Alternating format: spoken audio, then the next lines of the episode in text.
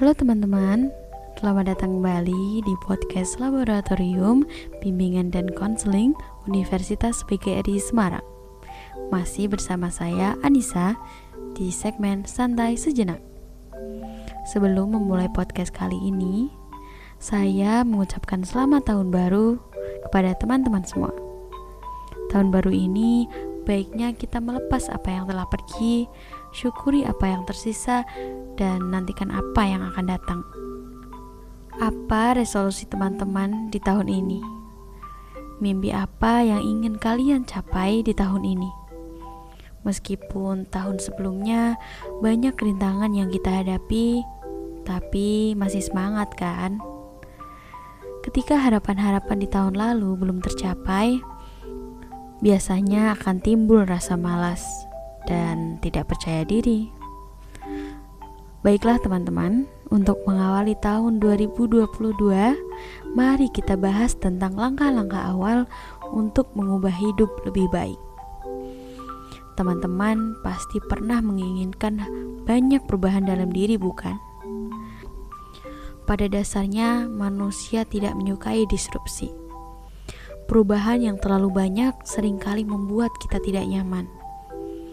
Untuk beberapa orang, mungkin akan menjadi motivasi. Tapi tidak jarang juga, terlalu banyak perubahan maka akan banyak resistensi dalam diri. Resistensi adalah perasaan melawan dalam diri ketika ingin melakukan sesuatu yang sebenarnya hal itu penting. Kita dituntut untuk merendahkan resistensi dalam diri agar kita lebih mudah untuk melangkah ke depannya dan lebih mudah untuk konsisten proses kita bagus dan tidak terhambat karena adanya resistensi dalam diri yang terlalu tinggi. Ketika teman-teman ingin mengubah diri secara mendasar, ingin merubah diri secara total, tapi perlu diperhatikan teman-teman. Mengubah strategi memang bisa menaikkan kesempatan untuk berhasil. Mungkin prosesnya akan lebih lama. Kita melakukan perubahan secara perlahan, Misalnya, ketika kita menerapkan satu bulan, ya bisa saja tidak sesingkat itu, tapi dalam satu bulan kita akan menjadi orang yang berbeda. Baiklah, teman-teman, mari kita mulai. Bagaimana langkah-langkah awal untuk mengubah hidup kita? Yang pertama, ada set your lingo, artinya tetapkan tujuanmu tujuan yang benar-benar bermakna. Kebanyakan dari kita mempunyai tujuan yang terlalu kaku. Misalnya ingin menjadi bos yang memiliki gaji besar. Luar biasa memang tujuannya. Nah, lin yang dimaksud adalah di mana kita dapat memaknai tujuan yang kita inginkan. Apa yang kita inginkan dari memiliki gaji yang besar? Apakah karena jika memiliki gaji yang besar akan terbebas dari hal-hal finansial, bisa tenang memikirkan biaya pendidikan? Tidak salah jika kita memiliki tujuan seperti itu, tapi apakah menjadi bos adalah satu-satunya cara untuk mencapai kebebasan finansial ataupun tenang memikirkan biaya pendidikan? Sebenarnya, menjadi bos besar dengan gaji tinggi merupakan strategi, bukan tujuan yang ingin kita capai. Lalu, bagaimana cara menanyakan ke diri sendiri sebenarnya apa tujuan yang ingin kita capai?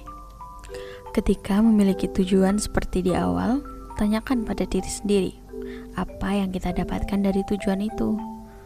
Kalau misal belum menemukan tujuan dalam hidup, maka tanyakan pada diri sendiri apa nilai paling berharga dalam kehidupan. Misalnya, kita menghargai kebebasan ataupun pengalaman baru. Setelah itu, kita bisa keluar dengan berbagai cara untuk mencapai tujuan itu. Bisa memulainya dari kerja mencari pengalaman atau mungkin membuka usaha sendiri dan nanti seiring berjalannya waktu mulai terlihat kita yang sebenarnya seperti apa. Jika sudah seperti itu, saatnya kita melangkah ke langkah kedua. Keystone habit atau kebiasaan yang bisa menjadi langkah awal untuk memunculkan kebiasaan-kebiasaan baik lainnya.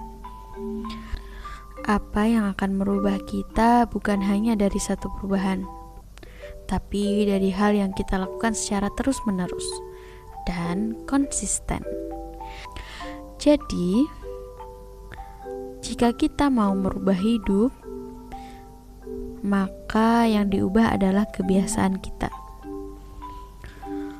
Lalu, keystone habit pertama apa yang bisa kita bangun? Pada dasarnya, setiap orang memiliki tujuan yang berbeda, gaya hidup yang berbeda, dan masalah yang berbeda pula. Tapi ada satu secara umum yang bisa kita dapatkan, yaitu olahraga. Olahraga itu menghasilkan energi. Energi yang kita miliki akan membantu kita dalam mengontrol diri. Selain itu, olahraga memiliki banyak manfaat, seperti mengurangi stres, menaikkan mood, bahkan sampai memudahkan kita untuk fokus. Jadi, olahraga tidak hanya bermanfaat untuk badan, tapi juga otak dan pikiran. Untuk kebiasaan selanjutnya yang kita bangun pasti berbeda sesuai dengan kebutuhan, tergantung masalah, gaya hidup, dan tujuan kita. Terkadang kita juga butuh orang lain untuk berbagi. Ketika kita sedang mencoba untuk merubah hidup, tentang proses yang kita hadapi, mungkin juga meminta saran. Penelitian dari Amerika membuktikan bahwa keberadaan partner, mentor, atau setidaknya teman seperjuangan itu signifikan untuk membuat target yang akan kita capai. Langkah ketiga, pre-commitment.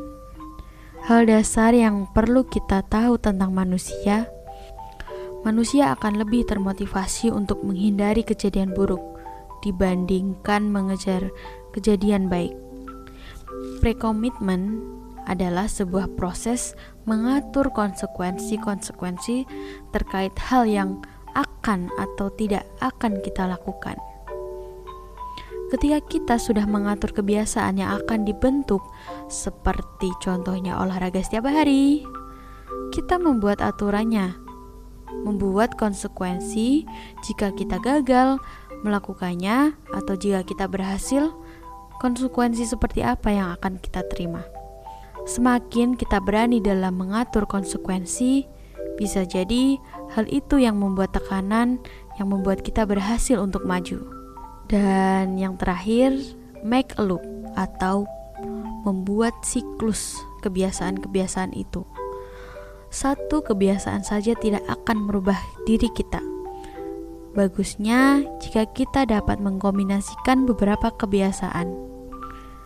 Jadi, kita bisa memberikan waktu kepada kebiasaan yang sedang kita bentuk, mencocokkan apakah kebiasaan ini bisa diterima dalam kehidupan kita. Setelah itu, kita dapat mengubah kebiasaan baik lainnya. Seperti ada siklus dalam membentuk kebiasaan ini. Perlu waktu dalam satu siklus membentuk kebiasaan ini. Seperti 30 hingga 60 hari. Jadi, dalam satu tahun, jika kita melakukannya dengan konsisten, disiplin, mungkin saja kita memiliki 12 kebiasaan baik. Dan mempunyai kebiasaan yang baik akan menghasilkan orang yang berbeda. Dan sebagai bahan pertimbangan, bukan orang lain, melainkan diri kita yang dulu. Asalkan diri kita sekarang lebih baik dibandingkan diri kita di masa lalu. Kita tidak harus terburu-buru untuk sukses Take your time and enjoy the process. Baiklah teman-teman, terima kasih sudah mendengarkan. Semoga bermanfaat dan jangan lupa bahagia hari ini. Sampai jumpa di episode selanjutnya.